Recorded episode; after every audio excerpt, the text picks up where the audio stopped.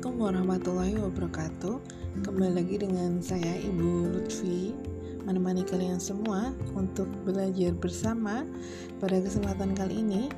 Dan uh, kesempatan kali ini merupakan kesempatan terakhir saya Untuk memberikan mata kuliah ke kalian. Nah nanti dua pertemuan yang lain, dua pertemuan lagi akan dijelaskan oleh Pak Sugiarto. Jadi, uh, jadi ini mungkin merupakan podcast terakhir dari saya.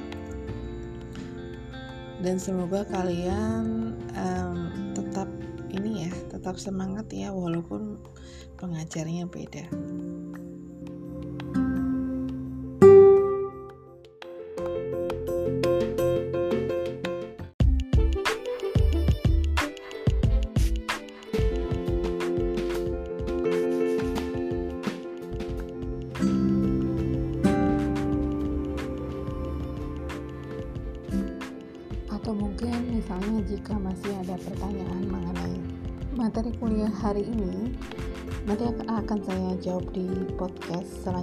Tapi khusus untuk pertanyaan saja ya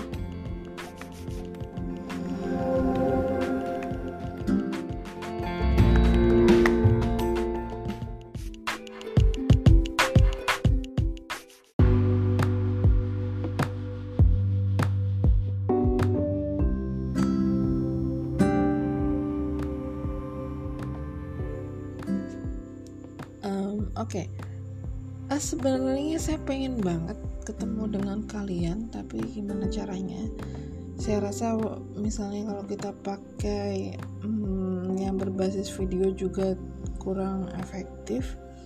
Nah, saya sebenarnya uh, banyak kenal kalian hanya dari nama, dari komentar saya bacain ada Putri, Triadi, Resti, Tarsia, Azahra, Lulita, dan lain-lain Nah, dari sekian banyak ini yang saya pernah temui, rasanya hanya satu mahasiswa karena pernah ketemu sebelumnya.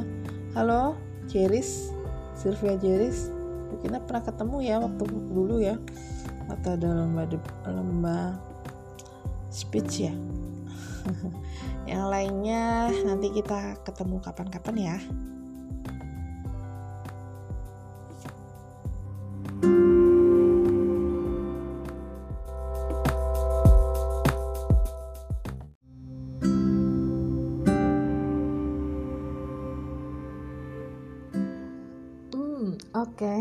Kasih atas pertanyaannya. Uh, saya mendapatkan banyak pertanyaan dan sebelum saya menjawab pertanyaan pertanyaan dari dua pertemuan terakhir, saya ingin memberikan apresiasi ke kalian semua. Semangat belajarnya sangat bagus. Pertanyaannya uh, yang saya dapatkan sangat banyak. Keinginan ta, uh, keingintahuan kalian mengenai hama ini juga sangat tinggi. Terima kasih ya. Uh, Oke. Okay selanjutnya pertanyaan pertama. Oke juga ada request juga ya mengenai uh, lagu hip mamamu. Oke nanti akan saya um, putar. Pertanyaan pertama. Apa solusi terbaik jika suatu lapangan mengalami outbreak atau ledakan hama sekunder dengan jumlah populasinya jauh di, di atas ambang ekonomi? Solusinya adalah bagaimana caranya biar jangan sampai terjadi outbreak dengan cara implementasi IPM seperti yang akan saya jelaskan materinya pada hari ini. Namun jika memang uh, sudah terlanjur outbreak, misalnya uh, ada banyak kasus outbreak di Indonesia ini, misalnya ledakan apa belalang kembara, kemudian uh, ledakan ulat bulu seperti Probolinggo, yang bisa kita lakukan kita, kita uh, bisa melepas musuh alami. Contohnya adalah parasitoid ataupun bisa menggunakan uh, pestisida, sintetik. Oke. Kemudian bagaimana cara menanggulangi hama yang resisten, Bu? Oke. Hama yang resisten itu uh, salah satunya kita kendalikan dengan ketahanan varietas. Kita mengendali uh, kita uh, apa melakukan pemulihan tanaman sehingga kita mendapatkan suatu varietas tertentu yang tahan terhadap hama A, hama B gitu ya. Kemudian pertanyaan selanjutnya, mengapa hama sekunder muncul ketika penyemprotan pestisida? Apa sebabnya, Bu? Hama sekunder itu bukan muncul setelah penyemprotan pestisida ya. Hama sekunder itu sebenarnya memang ada, sudah ada sebelumnya. Jadi uh, hama sekunder itu sudah ada sebelumnya, namun uh, dia menyerangnya minor. Seperti contohnya ada kumbang kentang Colorado. Itu berubah status dari pemakan gulma menjadi hama penting pada tanaman kentang. Nah, itu. Karena ada proses perubahan fisiologi tanaman di situ. Jadi hama sekunder contohnya hama kumbang kentang Colorado berubah status yang tadinya memakan gulma kemudian menjadi hama penting pada tanaman kentang. Kalian bisa searching di Google ya. Oke. Selanjutnya saya ingin bertanya kenapa populasi hama minor bisa meningkat saat hama utama disemprot. Nah, ini berhubungan dengan hama kentang Colorado tadi. Jadi ada resurgensi hama ya resurgensi hama atau ser, uh, resurgensi serangga hama yang tadinya hama uh, sekunder atau hama minor kemudian eh, sorry resurgensi serangga hama, hama itu bisa terjadi karena perubahan fisiologi tanaman dan serangga sasa perubahan fisiologi tanaman setelah adanya aplikasi insektisida sehingga tanaman tersebut menjadi uh, lebih disukai hama minor lain gitu. Jadi ketika kita menyemprotkan pestisida secara terus-menerus dengan dosis yang tinggi, itu uh, ada impactnya juga terhadap si tanaman. Yang kemudian lambat laun dia akan berevolusi, kemudian fisiologi tanamannya berubah, kemudian ada hama-hama lain yang tadinya tidak suka, kemudian menjadi suka. Lanjut apa beda apa yang termasuk hama A dan apa yang termasuk hama B. Nah, ini bukan masalah hama A dan hama B ya, itu hanya perumpamaan saja. Itu hanya misal ya. Jadi saya saya sah-sah saja menyebutkan hama C, hama D dan lain-lain. Pengendalian tikus menggunakan bahan kimia, apakah tikus tersebut mati? Jika tikus tersebut mati, bakterinya dapat digunakan untuk membuat pupuk organik saya tidak begitu paham pertanyaannya, tapi setahu saya selama ini belum ada pupuk organik dari bakteri yang dikeluarkan oleh tikus. Untuk pertanyaan selanjutnya, untuk pengendalian hama tikus menggunakan Tito alba, apakah dapat membuat tikus tersebut jerah, Bu? Dan apakah tikus bakal muncul lagi pada lahan tersebut? Sebenarnya tidak akan membuat tikus jerah, namun eh, si tikus itu dimangsa oleh si Tito alba sehingga populasinya uh, populasi di lahan akan turun. Dan yang harus kita uh, perhatikan adalah pengendalian itu harus dilakukan secara kontinu tanpa mengandalkan salah satu pengendalian saja. Ingat uh, prinsip dari IPM dan uh, perlu diingat lagi bahwa tikus itu reproduksinya sangat uh, tinggi atau sangat banyak. Lanjut, fumigasi memberikan racun yang uh, merusak penapasan pada tikus dengan menyemprotkan sulfur ke dalam lubang aktif. Tapi apakah cara tersebut berpengaruh terhadap kualitas atau kesuburan tanah? Karena yang saya tangkap lubang tikus lainnya itu ditutup sehingga tidak ada pertukaran udara di luar. Oke, jadi tidak tidak berpengaruh terhadap kesuburan tanah. Penggunaan sulfur itu relatif aman dan karena dia gas dia akan mudah menguap walaupun uh, lubang uh, tikus itu lubang aktif tikus itu seperti lubang dan tidak ada celah untuk keluar sebenarnya si tanah itu punya pori-pori udara ya dan eh, uh, punya pori-pori sehingga udara itu bisa menguap dengan mudah tapi tetap ya karena porinya kecil jadi menguapnya butuh waktu lanjut uh, penggunaan kontrap untuk pengendalian tikus itu hanya untuk mencegah tikus tidak dapat naik ke atas pohon atau ada lem sehingga tikus tertangkap. Kontrap itu bisa ditambah dengan lem, bisa ditambah. Namun sebenarnya kontrap itu uh, ya kayak ini aja, uh, kayak lapisan seng aja sebenarnya ya. Jadi uh, licin, permukaannya licin sehingga uh, si tikus tidak akan bisa naik. Kalau permukaannya itu kasar sedikit itu tikus bisa naik. Oke, pertanyaan lain, Ibu menyebutkan contoh bahwa kita bisa menggunakan varietas bebas hama dan benih bersertifikat. Pertanyaannya, apa kandungan dalam benih tersebut sehingga membuat tanaman bebas dari hama atau dan apakah aman dikonsumsi manusia? Oke, okay. uh, salah satunya kandungan dalam benih sehat itu adalah free from pathogen, bebas dari penyebab penyakit. Walaupun kadang uh, benih itu terlihat baik-baik saja, normal, namun kadang benih itu juga membawa patogen seperti bakteri, cendawan, dan lain-lain.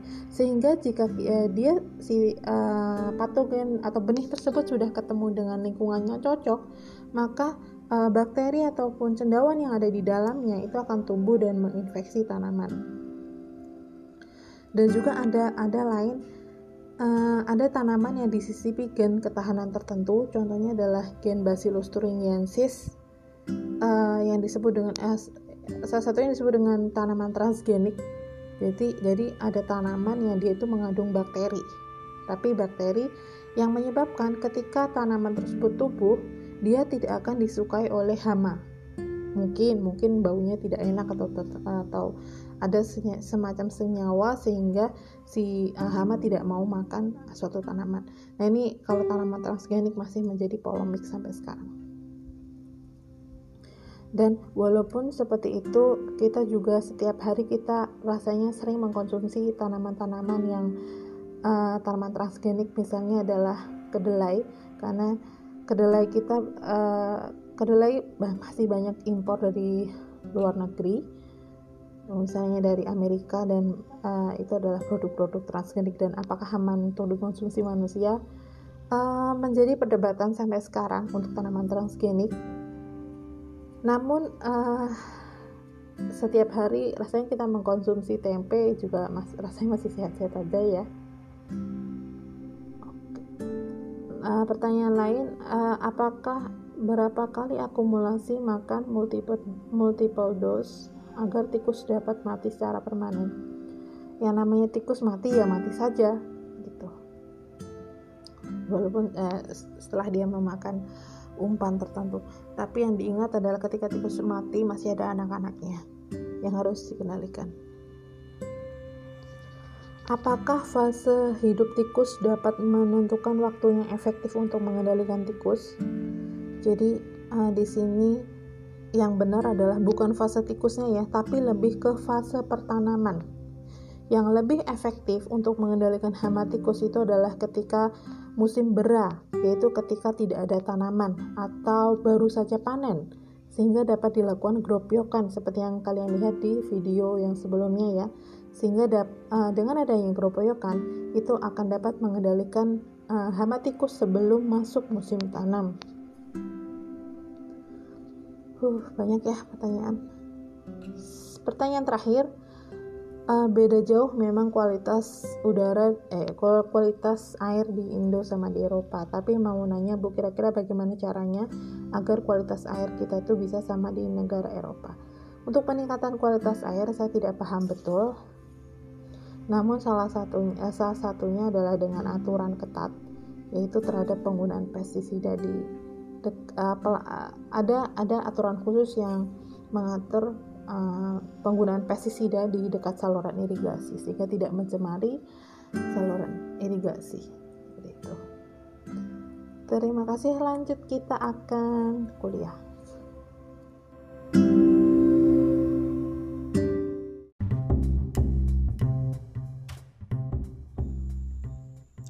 Oke, hari ini kita akan membahas lanjutan dari materi yang lalu kalau yang uh, kemarin adalah materi tentang konsep integrated pest management atau konsep pengendalian hama terpadu. Nah, sekarang kita akan uh, lebih dalam lagi mempelajari komponen apa sih yang ada dalam integrated pest management atau pengendalian hama terpadu. Dan juga kita akan mempelajari hama pada tanaman padi.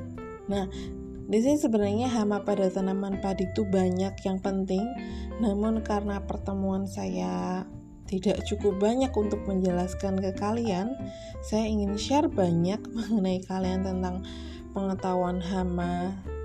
Dan sebagainya karena sebenarnya uh, materinya masih banyak lagi namun ada keterbatasan waktu saya hanya bisa menyajikan hanya seperti ini saja ya. Dan untuk hama padi saya menyajikan hanya dua hama saja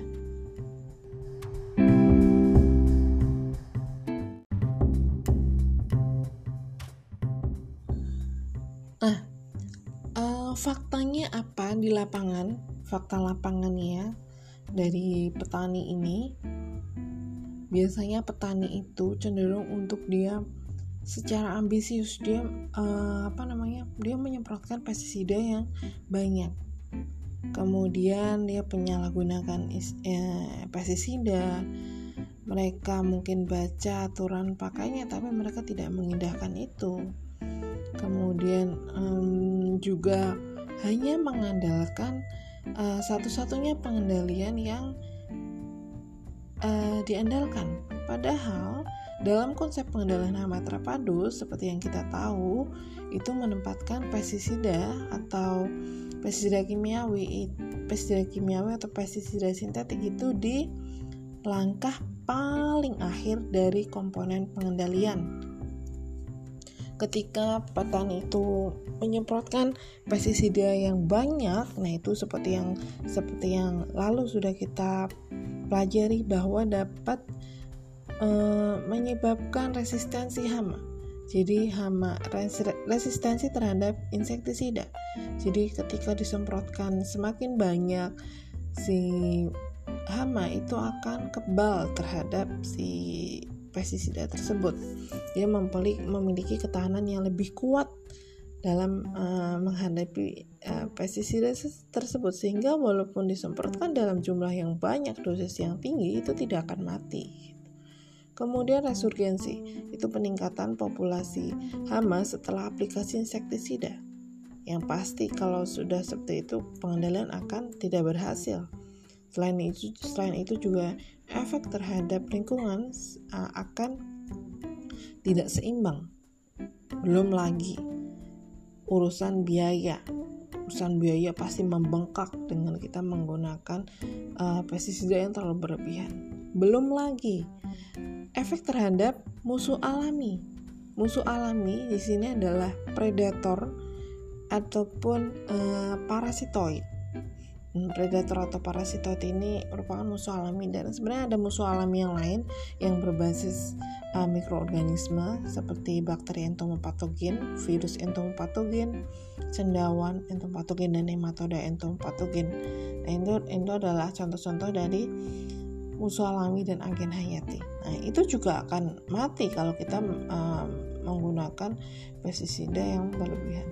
Kemudian belum lagi resiko keselamatan keselamatan kerja bagi petani. Nah, silakan dilihat di gambar yang selanjutnya. Itu ada petani menyemprotkan pestisida. Kalian pikir apakah mereka uh, menyemprotkan pestisida itu sudah baik? Sudah tepatkah? Apakah mereka menggunakan pakaian yang layak untuk menyemprotkan pestisida? Nah, coba kalian lihat mereka hanya menggunakan celana pendek, celana bahkan ada yang tidak pakai baju.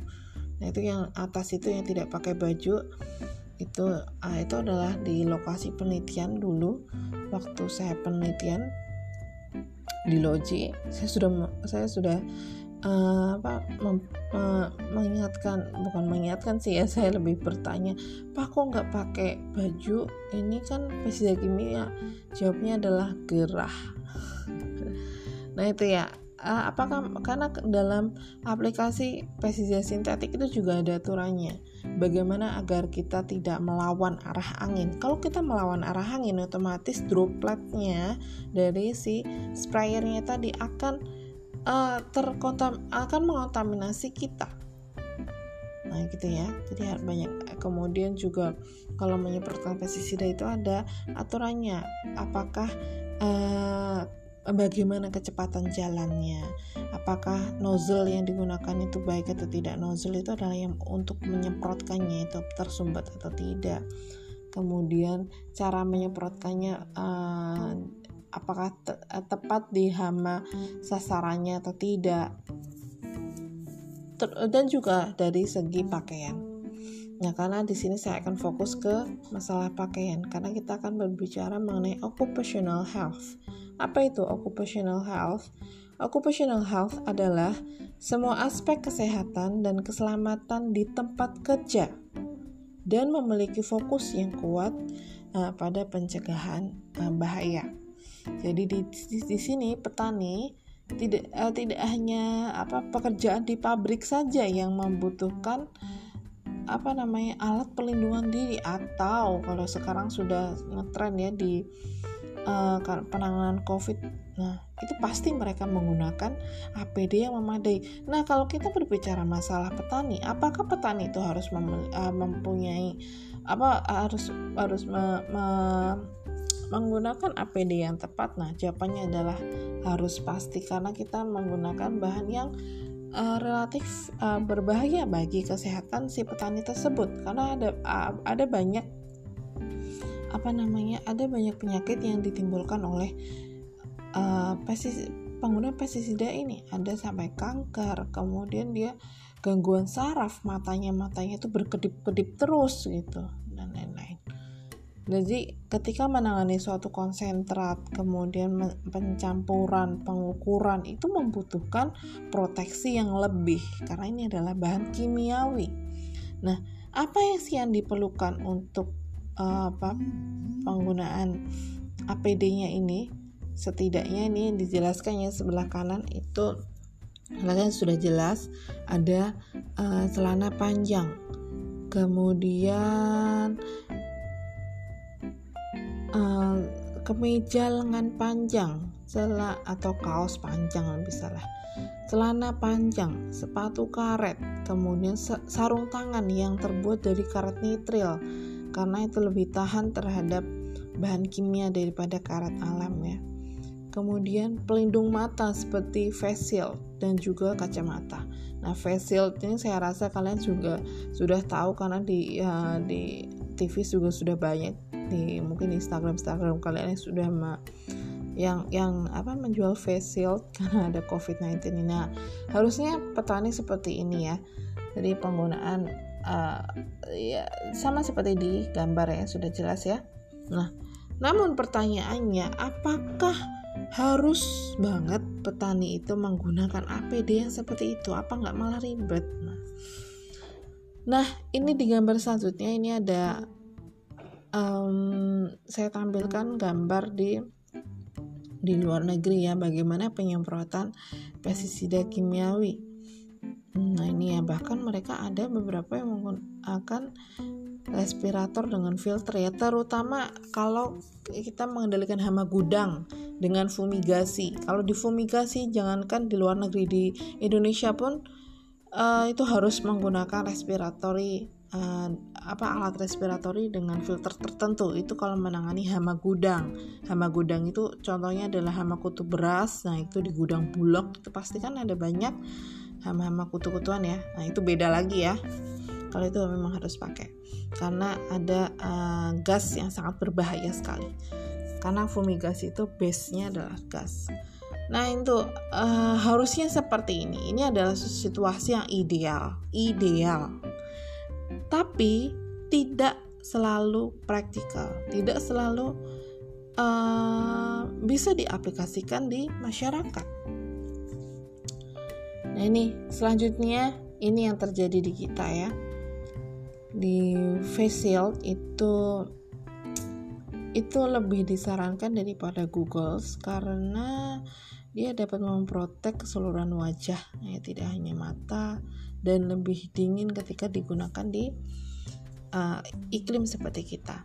Nah, itu yang yang tadi yang saya sebutkan tadi itu adalah bagaimana idealnya menggunakan uh, alat perlindungan diri. Nah, kalau di kita itu bisa kita sesuaikan dengan mengadopsi um, apa namanya alat pelindungan diri yang yang sudah direkomendasikan ya jadi setidaknya kita memakai topi, kemudian kita memakai masker seperti ya seperti yang digambar ya. Kita menggunakan masker, kemudian baju panjang, nah, baju. Nah, kalau petani itu ini ya apa kayaknya dia khas banget. Biasanya baju-baju mereka itu baju-baju sponsor ya, sponsor pestisida.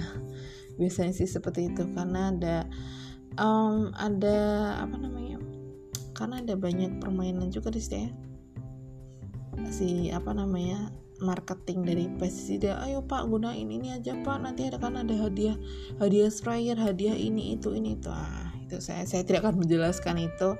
Saya hanya mengkomentari kaosnya dan setidaknya menggunakan glove menggunakan sarung tangan kan, apa celana panjang dan juga sepatu karet. Nah, yang perlu diingat cara penggunaan sepatu karet itu di luar celana tuh seperti gambar itu ya. Jadi bukan bukan di dalamnya seperti itu yang benar.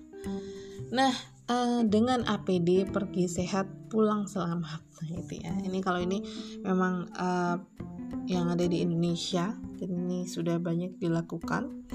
Terutama yang uh, banyak petani yang ber ber apa namanya berasosiasi bukan berasosiasi berke, bekerja sama dengan pemerintah.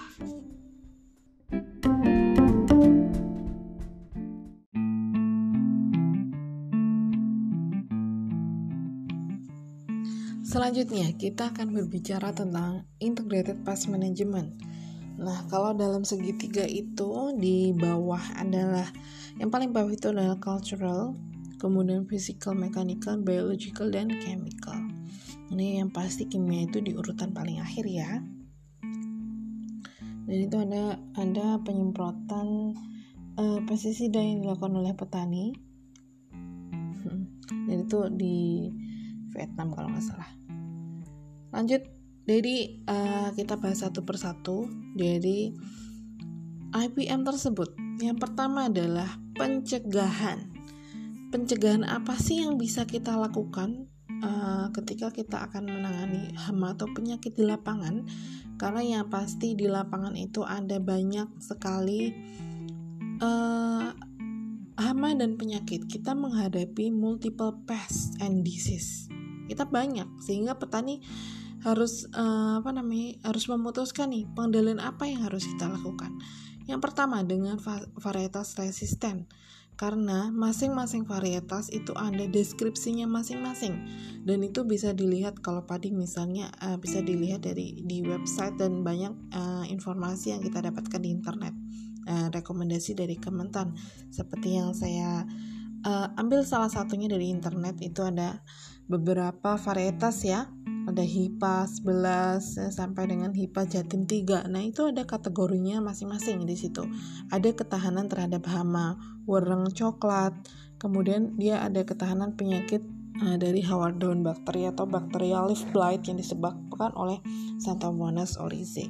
Nah, intinya masing-masing varietas itu mempunyai karakteristik tertentu tidak hanya karakteristik morfologi namun juga ketahanan terhadap hama penyakitnya. Kemudian yang pasti kita menggunakan benih yang uh, sehat dan bersih, kemudian sanitasi dari eh, sumber-sumber uh, hama atau material-material yang membusuk.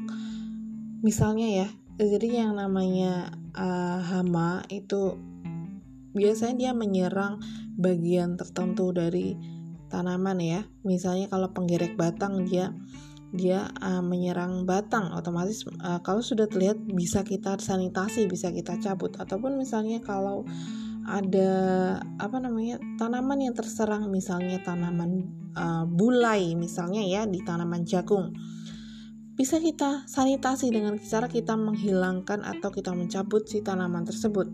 Dengan tujuan apa? Kita tujuan mengurangi inokulum dari si penyakit tersebut. Jadi kita sanitasi. Kemudian sanitasi dari uh, tanaman bagian tanaman yang terserang entah itu daun bunga ataupun buah. Nah bisa. Kemudian dengan pengolahan tanah yang tepat kemudian dia bisa jadi dengan pemangkasan ataupun penggunaan mulsa. Nah, ini adalah langkah-langkah preventif yang dapat kita lakukan. Apalagi dengan pengolahan tanah ya, pengolahan tanah itu sangat krusial uh, untuk pengendalian hama dan penyakit juga. Dan juga sanitasi dari gulma-gulma yang ada di sekitar karena ada banyak gulma itu sebagai inang alternatif dari penyakit uh, ataupun hama. Jadi ada ada hama yang sembunyi di situ dan ada yang si penyakit itu menggunakan inang alternatifnya di situ. Jadi kita sanitasi dari hama juga. Eh sorry, sanitasi dari gulma. Kemudian uh, kalau mulsa, mulsa itu apa? Mulsa itu adalah uh, lapis material uh, lapisan lapisan yang uh, terbuat dari material tertentu yang diaplikasikan di di atas tanah, di atas permukaan tanah. Apa sih gunanya dari mulsa ini?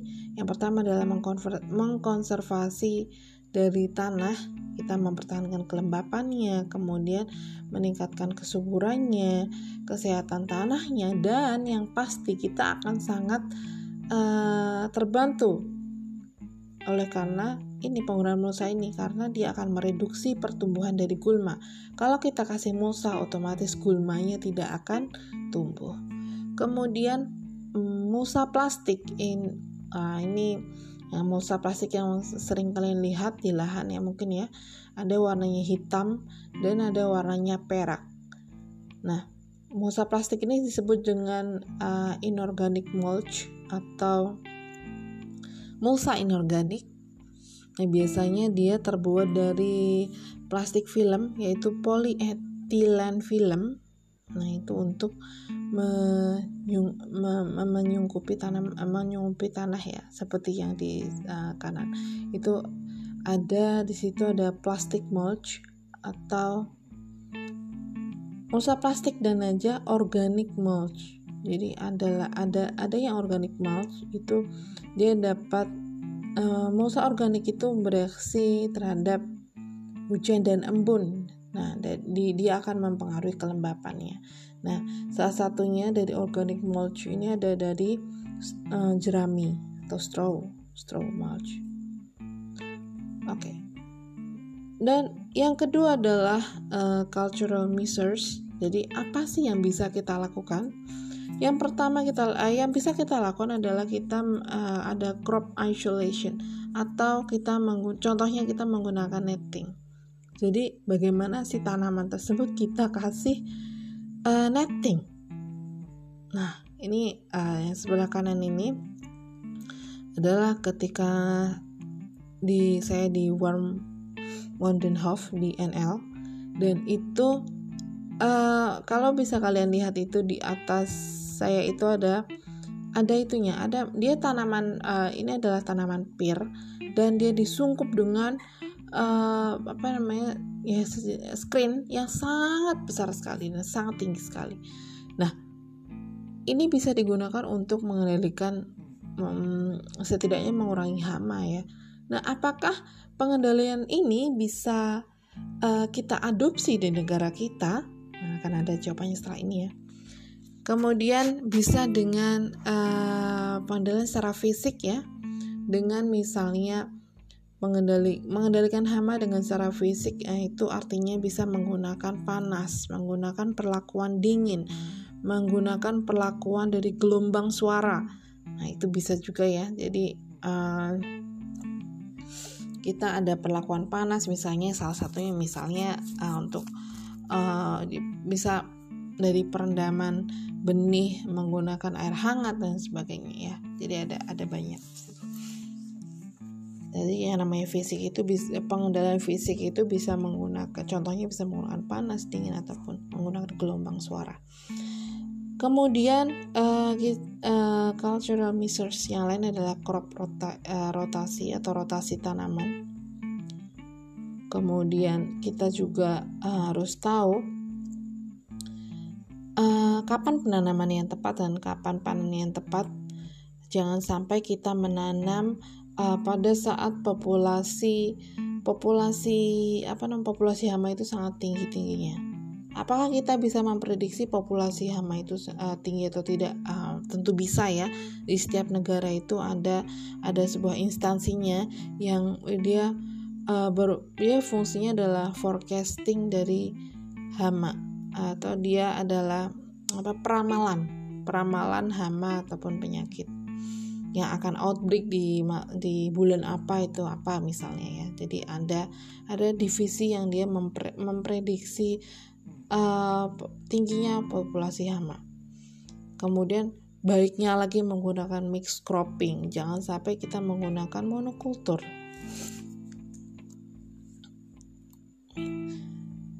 kemudian nah yang pertanyaan yang saya tadi itu ada ada netting crop isolation. Jadi tanamannya benar-benar seperti disungkup. Nah apakah pengendalian seperti ini itu bisa kita lakukan di Indonesia? Tentu bisa. Dengan apa? Dengan cara apa? Kita sesuaikan dengan kondisi yang uh, kita punya. Nah seperti yang sudah kalian jelas eh, sudah kalian uh, lihat di video yang di tomato orchard yang di Batu Malang itu dia ada tom tomat beef. Apa yang dia lakukan? Dia menggunakan rain shelter. Fungsinya apa? Dia fungsinya setidaknya dia melindungi dari hujan setidaknya.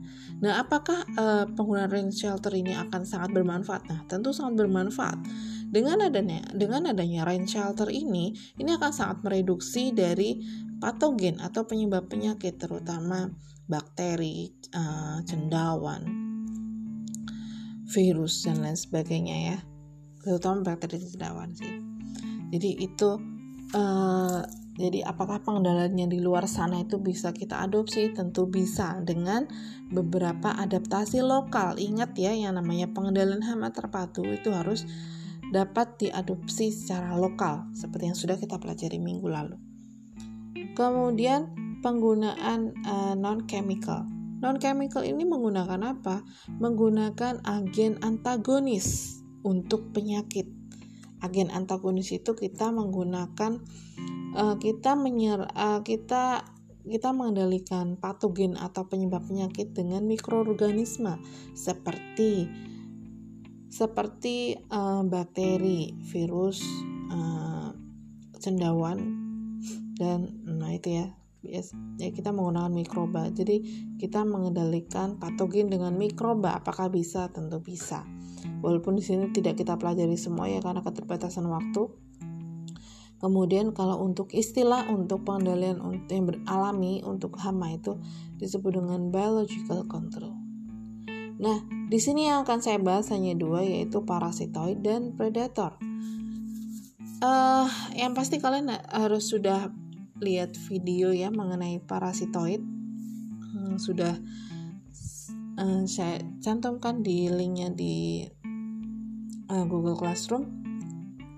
Parasitoid itu apa? Parasitoid itu, itu adalah organisme yang dia hidup uh, pada atau di dalam uh, organisme lain.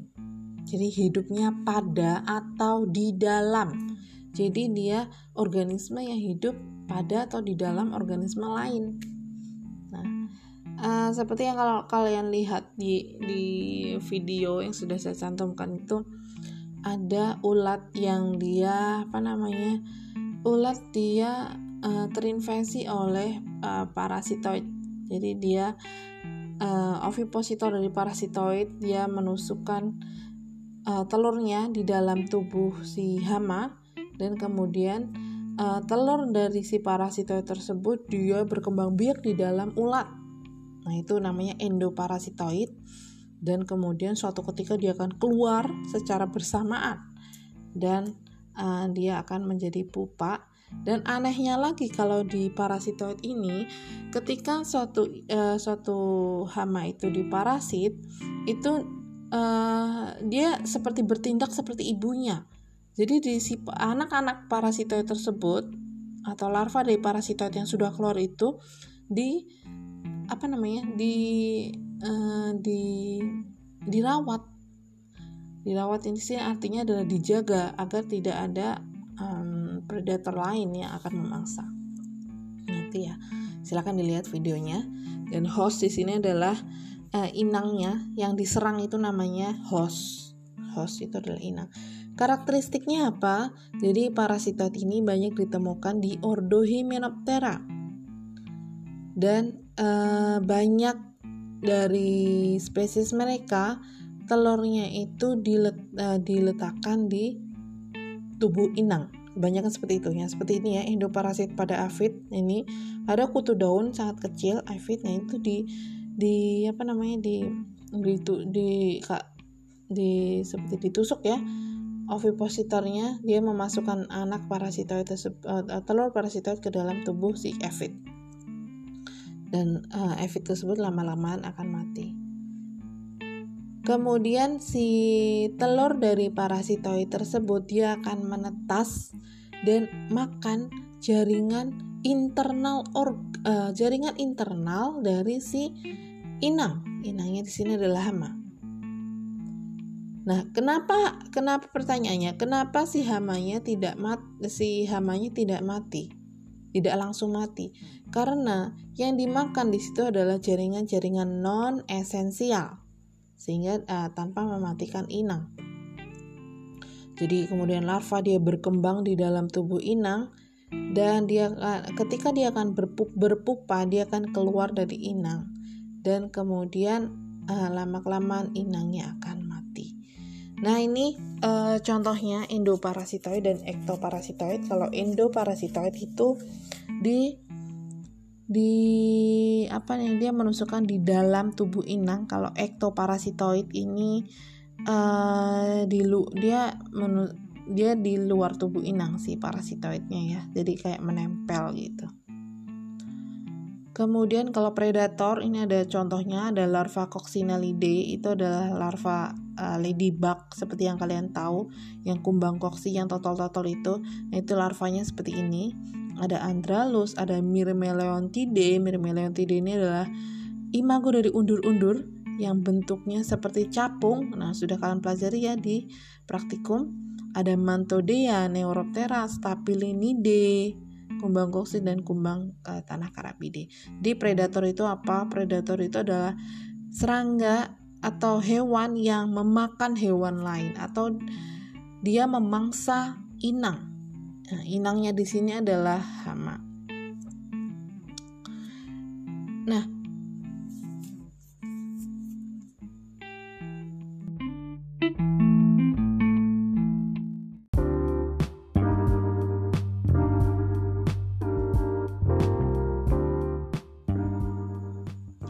Lalu, setelah kita berbicara mengenai musuh alami, uh, tentunya kita harus memberikan karena ini ya biasanya kalau kita mau mengendalikan dengan parasitoid ataupun musuh predator kita harus melakukan perbanyakan dulu di laboratorium dan kemudian kita uh, kita rilis ke lapangan kita lepas ke lapangan. Jadi uh, ada ada keuntungan dan kelebihannya ya. Kalau keuntungannya misalnya dia dapat secara alami membunuh hama tanpa tanpa ada efek resistansi, resurgensi dan lain sebagainya. Namun juga ada banyak kelemahannya. Itu misalnya ini uh, pengendalian ini uh, lebih membutuhkan banyak preparasi dari dari petani. Hmm. Apakah petani bisa memperbanyak parasitoid dan predator ini? Tentu bisa. Ada ada salah satu contohnya petani di Telaga Sari mereka mengembangkan parasitoid untuk uh, parasitoid trichogramma parasitoid parasitoid trichogramma untuk mengendalikan dari hama penggerek batang padi. Nah ini tentunya dengan uh, dengan bantuan bantuan atau dengan kerjasama dengan dari uh, balai besar peramalan organisme pengganggu tanamannya di Jatisari. Jadi ada training terhadap petani sehingga mereka bisa memperbanyak parasitoid sendiri di rumah.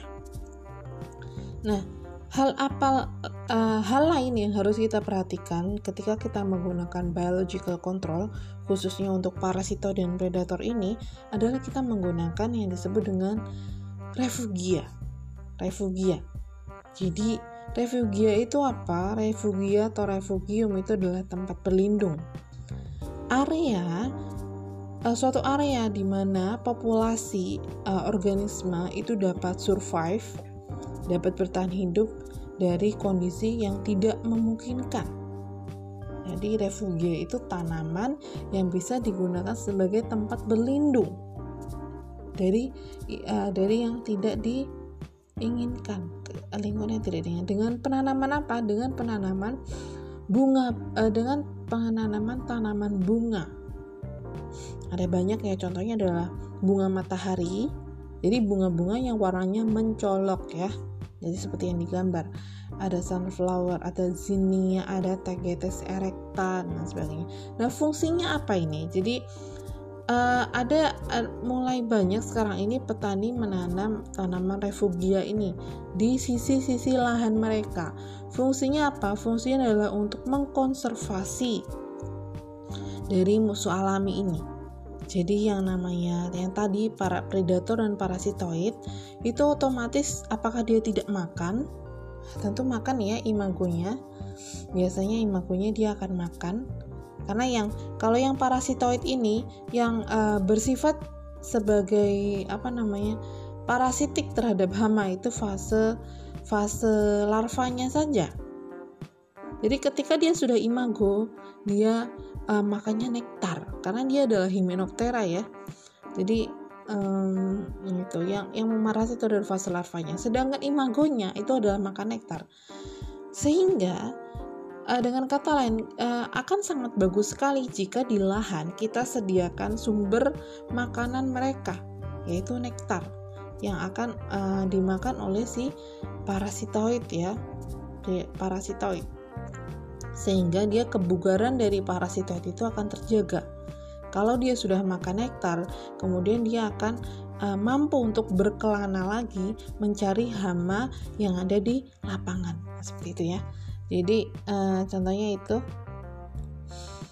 Jadi uh, benefit dari menggunakan refugia ini apa? Jadi tidak hanya uh, support kebugaran dari si parasitoid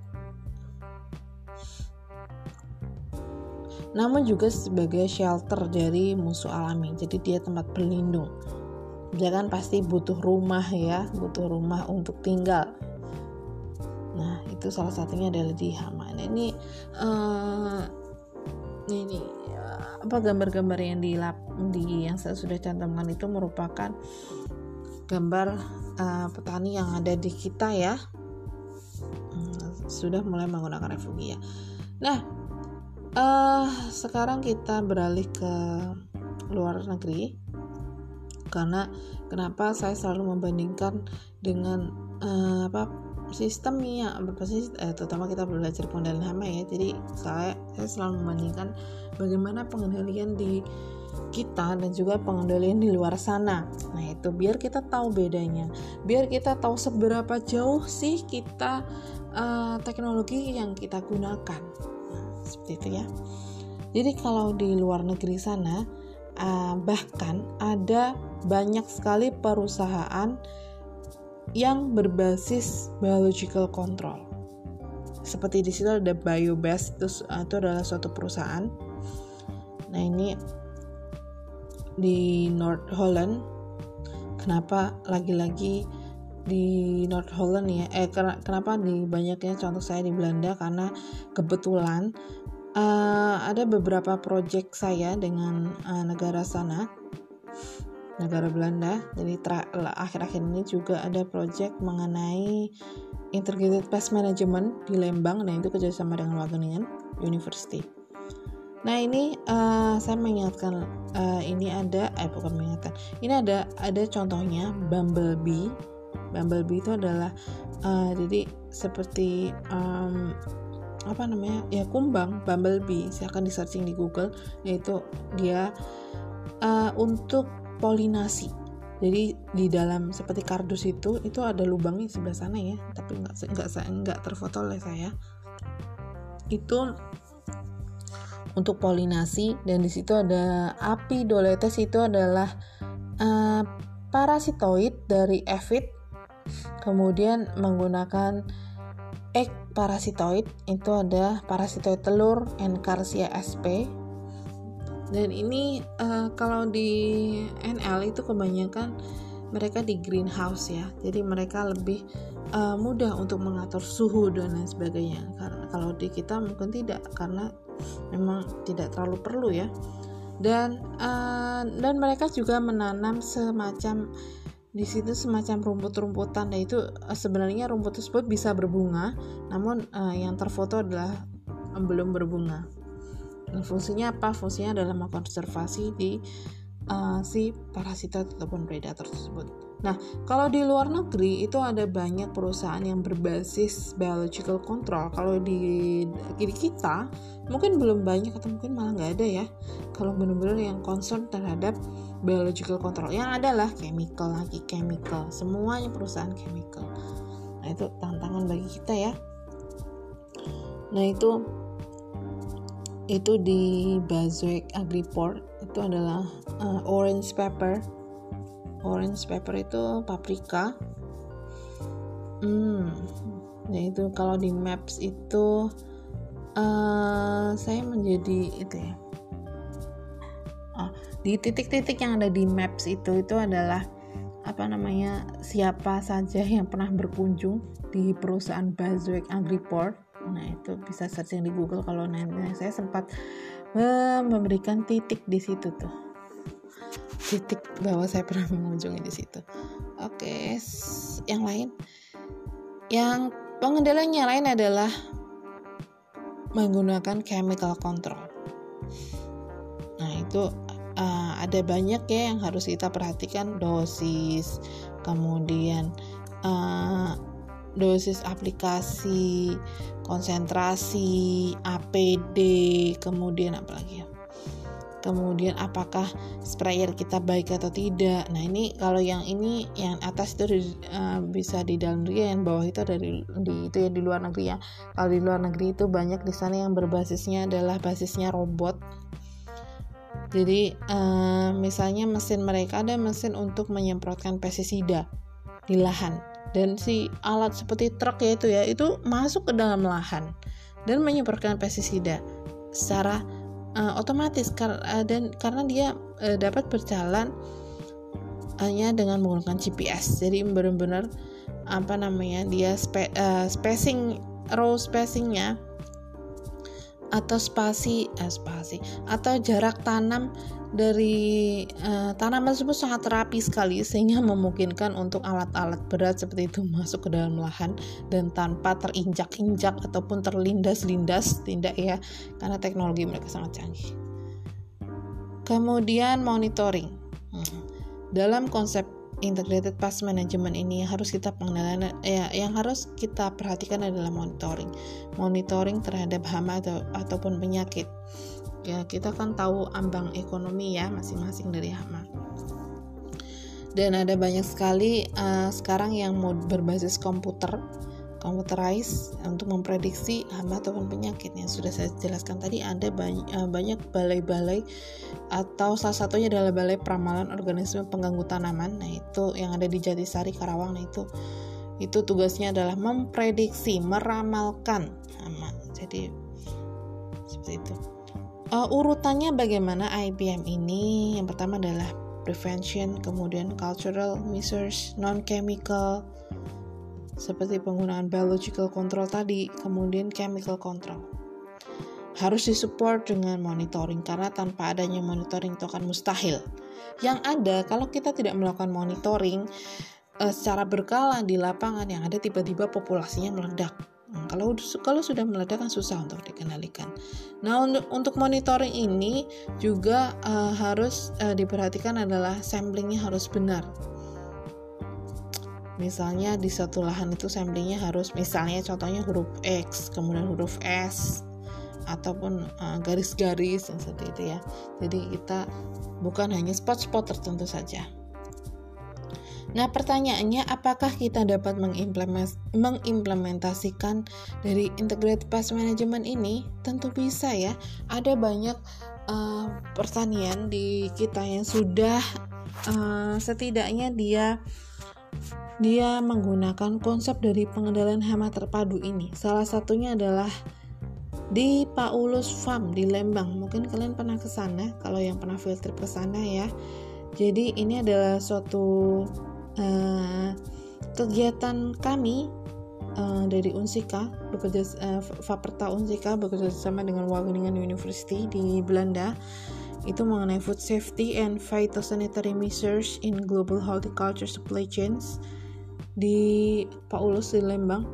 Dan beliau ini uh, jadi ada banyak sebenarnya itu adalah training training yang uh, saya sebagai salah satu course leadernya nah itu ada banyak ya ada course leadernya dari dua dari Belanda dari Wageningen satu dari Universitas Jenderal Sudirman dan satunya lagi saya. Nah, kebetulan saya yang dari Unsika yang menghandle semuanya. Dan juga dari ada beberapa dosen yang ikut seperti misalnya Pak Widi Fauzi, kemudian juga ada Pak Wagiono dan Pak apa ah, Bu. Nah, itu ya. Uh, kita ada join program di situ.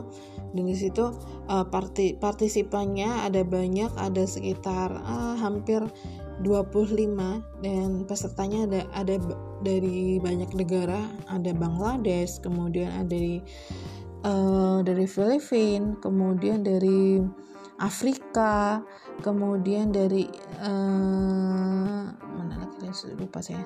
Dari Belanda eh, yang lain-lain. Saya saya buka lagi. Uh, asal mereka lupa saya. Jadi ada banyak negara yang berpartisipasi di situ dan itu melalui screening yang sangat ketat dan mereka partisipannya bukan lagi mahasiswa namun juga para profesional yang bekerja di uh, bidang uh, bidang-bidang tertentu di pertanian yang bisa di misalnya di Kementan uh, Kementannya sana ya bukan di kita misalnya di uh, itu ya kemudian ada dari karantina tanaman, kemudian ada dari perusahaan pestisida dan lain-lain. Ada dari dosen juga. Jadi ini kita belajar mengenai aplikasi uh, dari pengendalian hama terpadu ini. Apakah petani tersebut sudah menjalankan pengendalian hama terpadu secara tepat? Sehingga uh, dia ada yang namanya itu ya MRL itu dia di hmm, apakah dia memenuhi standar MRL itu maksimum residual level sehingga ketika dia akan mengekspor uh, produknya itu akan diterima karena memenuhi batas dari maksimum residual level dari penggunaan pestisida. Nah ini uh, Paulus Swam sudah sangat bagus sekali, video juga sudah saya cantumkan di sana. Uh, beliau sangat maju sekali dalam urusan pengendalian hama terpadu uh, kemudian uh, sudah juga sudah mem memenuhi yang namanya uh, local gap local gap itu adalah uh, good agricultural practices itu ada checklistnya yang harus dikerjakan uh, ini kalau kalau apa namanya saya menceritakan tentang good agricultural practices bisa bisa ini ya bisa satu mata kuliah sendiri ya. Nah, saya cuma akan menyinggung itu dia sudah memenuhi local gap. Dia sudah ada sertifikasinya. Nah itu ya oke kita lanjut setelah yang satu ini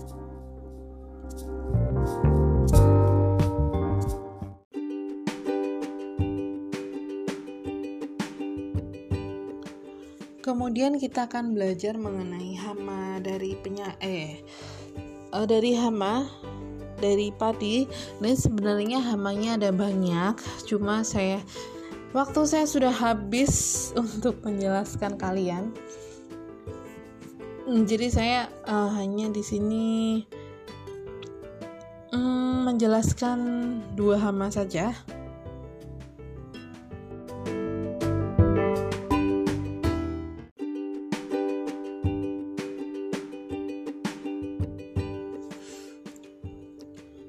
Hama yang pertama adalah uh, hama yang sangat fenomenal itu adalah brown plant hopper atau disebut dengan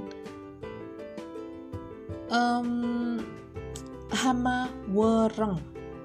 Jadi brown plant hopper ini adalah wereng. Uh, spesiesnya adalah Nila parvata lugens Hemiptera delphasidae.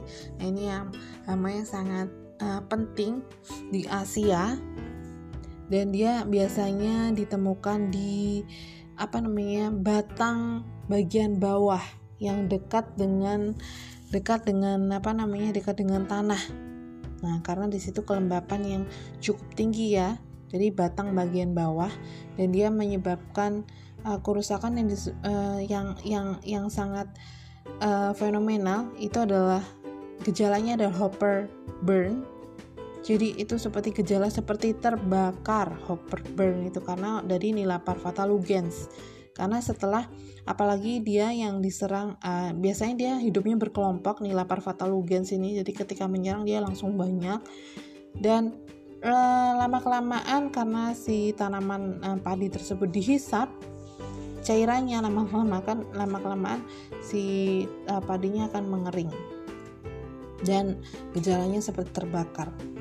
Kemudian penyebabnya adalah uh, apa namanya di, penanaman penanaman secara terus menerus uh, di setiap tahun. Jadi misalnya padi padi padi kita menanam dalam setahun misalnya kita menanam tiga kali padi.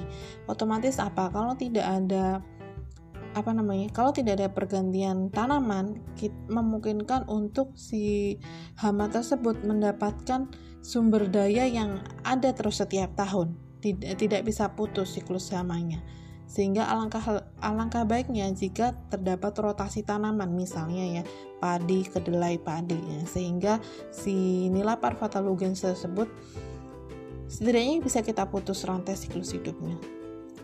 Karena nila parvatalugens itu tidak menyerang tanaman kedelai. Kemudian uh, juga uh, yang dilakukan adalah pengendalian gulma.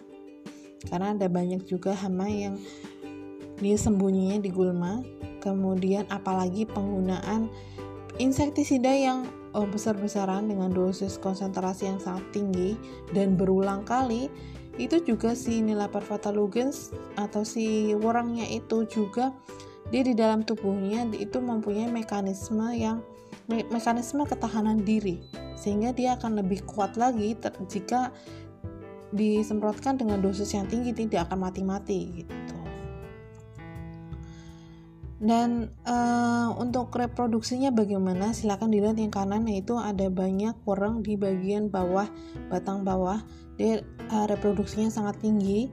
Satu betina itu dapat bertelur 100 sampai 500 telur.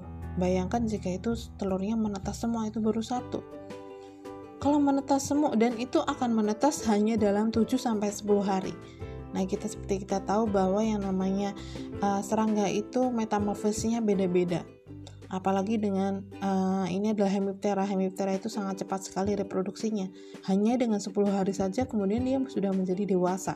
Dan ketika dewasa, kemudian dia juga akan menimbulkan uh, dia akan bisa bermigrasi atau berpindah lahan dan akan makin banyak lagi sehingga mungkin mm, untuk bisa menimbulkan uh, ledakan hama atau outbreak itu sangat memungkinkan sekali. Ada dua jenis di sini, uh, ada yang short wing dan ada yang long wing. Yang short wing itu adalah Brachyptera atau Brachypterus. Dia dia yang seperti yang di bawah ya gambarnya dia tidak short wing itu tidak uh, seperti tidak mempunyai sayap ya karena sayapnya pendek jadi itu banyak untuk dia uh, fungsinya adalah reproduksi. Sedangkan yang long wing itu adalah yang Macropterus atau Macroptera itu adalah dia banyak uh, dia mempunyai sayap jadi fungsinya adalah untuk disperse untuk dia menyebar. Karena tidak mungkin dong misalnya ada satu tanaman sudah uh, populasi warangnya sudah banyak di situ sehingga orang tersebut akan kehabisan sumber daya jika dia makan di situ-situ saja sehingga dia butuh eh, apa namanya dia butuh keturunan yang dia bersayap. Fungsinya adalah untuk berpindah da dari satu tanaman ke tanaman yang lainnya sehingga dia mendapatkan makanan yang baru lagi. Nah ini ya makroptera ya misalnya brachyptera dia bisa bertelur eh, 300 telur dalam dua minggu apalagi jika tidak dilakukan pengendalian ya. Dan dan sekarang ini ada banyak yang namanya biotipe. Biotipe 1, biotipe 2, biotipe 3 nah orang itu ada biotipenya ya. Biotipe 1, biotipe 2, biotipe 3 nah itu seiring dengan bertambahnya biotipe itu berarti ketahanan tubuh mereka terhadap uh, pestisida itu sangat tinggi. Dengan kata lain dia resisten. Oke. okay. Kemudian eh, biasanya eh, ini adanya warang ini banyaknya di sawah irigasi atau sawah tanda hujan dan jarang ada di dataran tinggi. dan apalagi kalau hama ini banyaknya di musim kemarau ya bukan musim penghujan kerusakannya seperti yang sudah saya jelaskan tadi nimfa dan imagonya itu dia menghisap dari cairan tanaman dari phloem sehingga dia akan lama-lama akan mati dan si hama ini juga mengekskresikan embun madu. Nah, embun embun madu itu adalah ekskresi dari si uh, si orang tersebut dan adanya embun madu itu biasanya juga akan mengundang ada semut datang. Kemudian selain dia menyebabkan hopper burn atau gejala terbakar di lahan, juga dia mampu untuk mentransmisikan virus. Virusnya adalah rice rake stun virus atau RRSV atau rice resistant. Nah, itu tidak tidak saya jelaskan di sini ya. Kemudian selanjutnya bagaimana pengendaliannya? Misalnya uh, Nah, tidak lagi menanam dua kali tanaman padi per tahun, jadi harus ada breaknya ya untuk memutus siklus hidupnya. Kemudian kita juga menggunakan pupuk secara uh, bijaksana, pengguna, kemudian juga mengatur dari pengairan, kemudian menggunakan varietas resisten, kemudian menggunakan biological control misalnya parasitoid, menggunakan predator ataupun menggunakan cendawan patogen khusus untuk hama. Kemudian untuk uh, kimiawinya bisa digunakan uh, pestisida yang berbahan aktif dinotefluran ataupun pimitrozin. Jadi setiap pestisida itu ada bahan aktifnya ya. Jadi kita ketika kita uh, bilang pestisida itu yang yang disebut bukan mereknya ya tapi bahan aktifnya. Kemudian ini adanya ini adalah ambang ekonominya. Hmm, ambang ekonominya dia rata-ratanya 1 sampai 2 ekor per per anakan. Jadi ketika sudah misalnya ada dua ekor nah bisa dilakukan penyemprotan. Nah kemudian hama yang terakhir itu adalah hama dari uh, apa namanya siput ya golden snail atau Pomasea canaliculata nah ini sering kalian lihat warnanya pink pink. Telurnya warnanya pink ditata sangat rapi di misalnya di batang-batang mungkin di acir. Nah, di di mana saja ya biasanya deh ya. Nah ini hama ini adalah native jadi bukan asli Indonesia. Dia datang jauh dari Amerika Selatan. Nah ini bagaimana ceritanya silahkan di googling sendiri bagaimana dia dari Amerika kemudian dia bisa pindah ke uh, Indonesia. Apakah bisa melalui perdagangan ataukah bisa melalui uh, memang sengaja dibawa dan.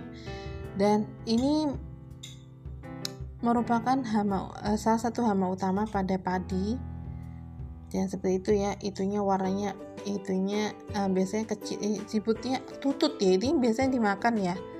Namanya tutut Pomasea canaliculata dan biasanya yang namanya uh, siput ini banyak ditemukan di uh, air yang uh, stagnan. Airnya itu tidak mengalir. Dan banyak di irigasi dan dia menyerang batang muda dan juga daun muda biasanya dia bertelur di malam hari dia bertelur di mana pun dihing, dihinggap entah itu di daun, di batang ataupun di acir, di batu dan lain-lain. Telurnya warnanya putih, eh sorry, telurnya warnanya apa namanya pink dan kalau sudah mau menetas biasanya warnanya agak uh, uh, pinknya tuh memudar gitu ketika dia akan menetas. Jadi telur kemudian ah, telur akan menetas 7 sampai 14 hari. Kemudian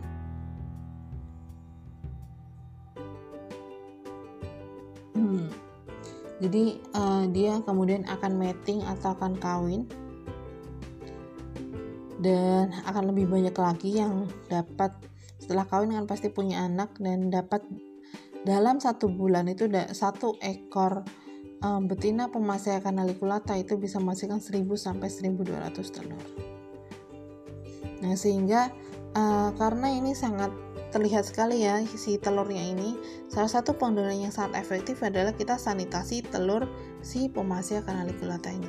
Karena kalau sudah sampai menetas nah itu kan sudah banyak sekali ya. Kemudian di sini ada biological controlnya ini ada banyak ada banyak apa predatornya. Seperti serangga-serangga air itu juga ada banyak. Kemudian uh, seperti krustasean itu kayak kepiting ya kepiting-kepiting air ya. Uh, juga ada itu pun kalau ada ya. Kemudian ada burung kemudian uh, ikan dan lain sebagainya. Cuma kalau uh, kalau ikan dan kura-kura juga cuma tidak eh, tidak semua pengendalian itu bisa kita aplikasikan ya.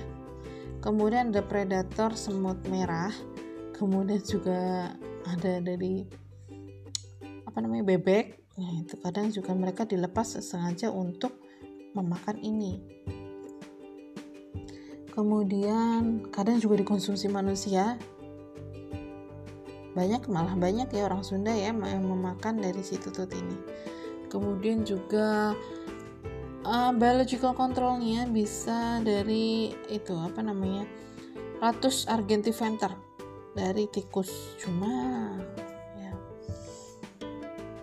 cuma juga harus kita uh, ketahui ya yang namanya pengendalian hama terpadu itu tidak bisa uh, kita aplikasikan seperti yang kemarin ada pengendalian biological control dari tikus menggunakan ular itu kan juga menjadi polemik.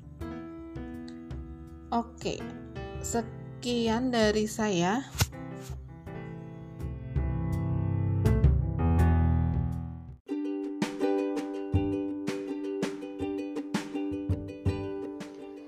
Oke, sampai jumpa di kesempatan mendatang.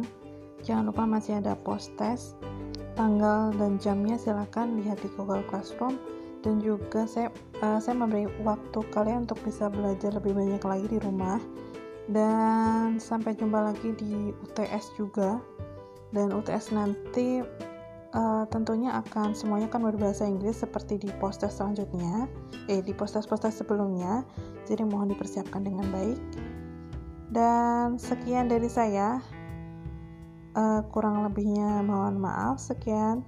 Sampai jumpa untuk kedekatan lebih ini ya. Kita kejumpa dulu di postes dulu ya, postes yang terakhir. Sekian dari saya. Wassalamualaikum warahmatullahi wabarakatuh.